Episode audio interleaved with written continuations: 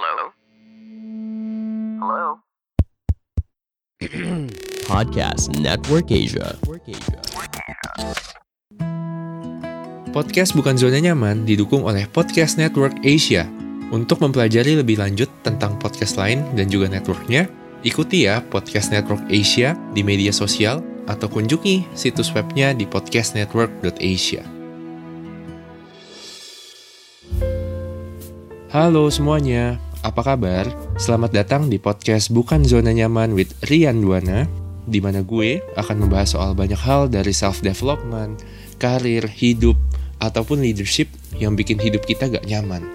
Karena yang namanya pertumbuhan itu pasti gak nyaman dan harus disengaja. Karena kalau nyaman bukan berarti aman. Manusia adalah makhluk sosial dan kita nggak bisa hidup sendiri. Kalau menurut sotoynya gue nih, kita pasti akan menghabiskan kira-kira 80% waktu kita dalam hidup untuk membangun hubungan dengan orang lain. Baik itu pertemanan, pacaran, dalam hal bisnis, keluarga, dan lain sebagainya. Lucunya, meskipun membangun hubungan itu penting, setahu gua nggak ada tuh mata pelajaran bagaimana cara berteman dengan baik di sekolahan, di kuliahan, dan nggak ada teori pastinya. Makanya gue ngeliat mungkin banyak orang yang kadang-kadang suka kebingungan nih, bagaimana ya yang kita harus lakukan untuk membangun sebuah hubungan. Kadang-kadang hubungan itu juga cuma diartikan sebagai pacaran romansa. Tapi yang gue rasa relationship itu lebih dari itu maknanya. Karena hidup kita bukan cuma ngomongin soal pacaran atau berumah tangga, tapi dalam banyak hal. Bekerja, pertemanan, partner bisnis, ya dan lain sebagainya. Makanya gue pengen share nih, kira-kira apa sih pelajaran yang gue dapat dalam gue membangun relationship. Gak 100% bener, tapi gue ngerasa bahwa ada tiga hal yang penting sebenarnya untuk kita tahu dalam prinsip membangun hubungan. Yang pertama, it's about becoming a valuable person, not finding a valuable one. Maksudnya apa nih? Gue percaya bahwa dalam hidup kita tuh gak harus mengejar. Karena apa yang dikejar itu pasti lari. Tapi yang kita lakukan adalah kita harus menarik atau mengattract. Nah, apa hubungannya dengan uh, building a relationship? Gue ngerasa kadang-kadang kita tuh mungkin kebanyakan nuntut. Misal, gue mau nih punya pacar yang setia. Gue mau nih punya pacar yang kerja keras. Gue mau nih punya pacar yang baik dan lain sebagainya. Banyak banget list yang kita punya. Tapi pertanyaannya, kita udah jadi belum? Kita udah punya belum semua kriteria yang ada di list kita? Kalau kita mau cari pacar yang setia, kitanya udah setia apa belum? Mau cari pacar yang kerja keras, nah kitanya udah bekerja keras apa belum? Kadang-kadang gue ngerasa hal ini yang kita suka miss dalam membangun uh, hubungan. Karena kita kebanyakan nuntut. Dan ujung-ujungnya nanti hal yang kita tuntut itu akan dituntut balik ke kita.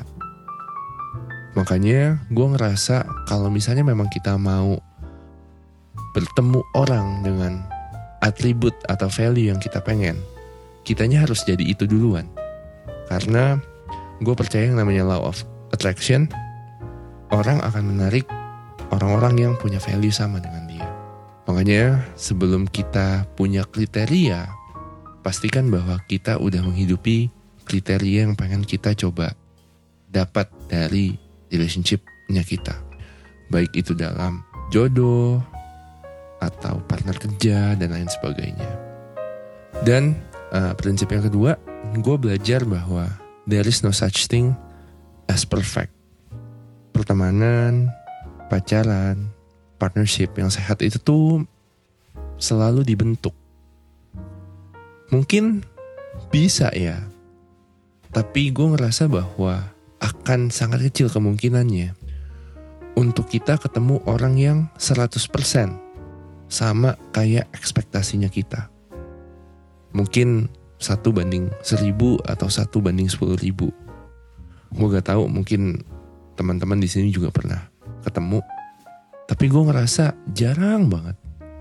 Dan kalau kita lihat, misalnya mungkin di Instagram, ada orang yang pakai hashtag couple goals, atau pasangan yang mungkin memang kelihatannya tuh so sweet, terus juga udah lama banget gitu mereka pacaran atau menikahnya.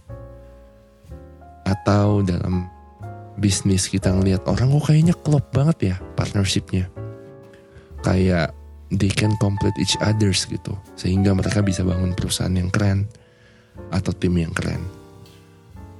Gue rasa di balik semua itu pasti ada keringat air mata darah mungkin I don't know tapi yang pasti gak mudah untuk membangun itu semua karena yang namanya perfect itu pasti susah dan gak bisa dibangun dalam waktu yang singkat.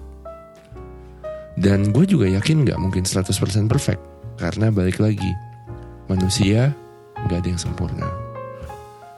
Makanya ketika kita membangun sebuah relationship, jangan lupa nih untuk kita terus mengasah relationship itu. You need to work on it sehingga relationship itu bisa jadi apa pun yang kita harapkan. Caranya gimana? Ya banyak ngobrol, tuker pikiran, spend waktu bareng, doing activity bareng, dan lain sebagainya. Karena justru chemistry dan relationship yang keren atau yang kelihatannya perfect itu, itu dibangun dari situ. Gak bisa tuh di awal langsung plek kayak gitu. Makanya jangan mudah menyerah di awal atau di tengah-tengah kayak yang gue share di podcast gue kemarin bahwa jangan pernah ambil keputusan yang mudah untuk bilang oke okay, I'm done. Karena balik lagi, sesuatu yang berharga, sesuatu yang worth it, itu butuh, butuh keberanian untuk bisa mencapai itu. Dan prinsip yang terakhir, forgive and let go. Gue pernah dengar ada orang yang bilang begini sama gue dan orang ini uh, cukup dekat sama gue. Dia bilang gini bahwa people come and go, tapi pasti ada yang stay. Gak akan semua orang cocok sama kita. Karena sebagai manusia, ya kita berubah. Mungkin di awal-awal value-nya kita sama, terus lama-lama kok kita ngelihat bahwa kita lebih ke A, dia ke B. Ujung-ujungnya kita gak bareng lagi Ya, that's the ugly truth of life. Bahwa gak semua orang akan stay sama kita. Ada yang berpisahnya cepat, ada yang berpisahnya lama, tapi ya ada juga yang stay. Kuncinya adalah kita harus belajar buat memaafkan dan merelakan kalau emang ada yang gak cocok. Ya mungkin bukan dia yang salah atau kita yang salah, tapi musim hidup kita berbeda-beda aja apa yang dia lihat berharga, ternyata mungkin kita lihat gak berharga. Sama juga begitu. Dan gak semuanya kan harus jadi musuh, gak semuanya juga harus jadi teman. Mungkin nanti one day kalau misalnya hari ini kita udah gak sama dia lagi, mungkin ya lima tahun lagi atau 10 tahun lagi kita ketemu, kita bisa temenan lagi. Atau dalam kasus romansa misalnya kayak udah putus balikan lagi. Gak ada yang tahu. Makanya kita belajar menerima bahwa kalau seseorang mungkin udah gak ada di hidup kita, sebenarnya itu adalah cara hidup untuk membuat ruang untuk kita belajar yang baru. Karena balik lagi, pasti akan ada orang yang baru yang masuk sehingga kita bisa belajar hal yang baru lagi. Dan gue rasa tiga prinsip ini yang membantu gue untuk melihat apa yang harus gue cari dalam gue membangun relationship. Gue harus menjadi orang yang valuable. Gue harus work on my relationship, baik itu romansa ataupun bisnis, family, dan lain sebagainya. Dan yang ketiga, bahwa gue harus belajar buat memaafkan dan let go kalau ada orang yang mungkin gak sejalan sama gue nantinya. Dan tiga prinsip ini gue juga pelajarin secara gak mudah dalam beberapa tahun belakangan. Tapi ya, it's really worth it.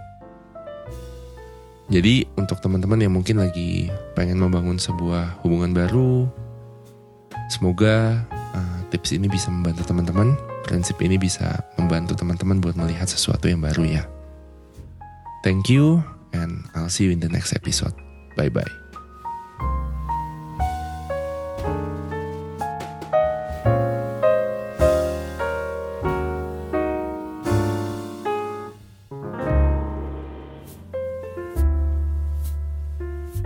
Buat kamu yang tertarik untuk keluar dari zona nyaman, tungguin ya episode baruku setiap hari Senin jam 8 malam. Atau bisa juga dengar episode-episode sebelumnya di podcast Bukan Zona Nyaman with Rian Duana dan Podcast Network Asia. Halo semuanya, gimana nih episode kali ini? Semoga menghibur ya. Mau ngasih tahu nih kalau kalian suka gitu ya sama cerita horor, terutama dari Asia atau Jepang, kalian harus coba mampir ke podcast ini Kaidan. Nah di sana kalian bakalan dengerin cerita horor yang ya serem lah, relatif lah ya serem tuh. Cuman gue bisa jamin kalau kalian pasti belum pernah denger cerita yang kayak gitu. Cerita horor yang jalan ceritanya agak beda gitu ya, soalnya kan cerita impor juga. ya jadi kalau tertarik silahkan mampir gitu. Ditunggu ya.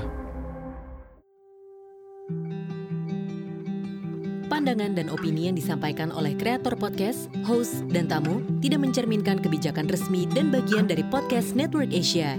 Setiap konten yang disampaikan mereka di dalam podcast adalah opini mereka sendiri dan tidak bermaksud untuk merugikan agama, grup etnik, perkumpulan, organisasi, perusahaan, perorangan, atau siapa pun dan apa pun.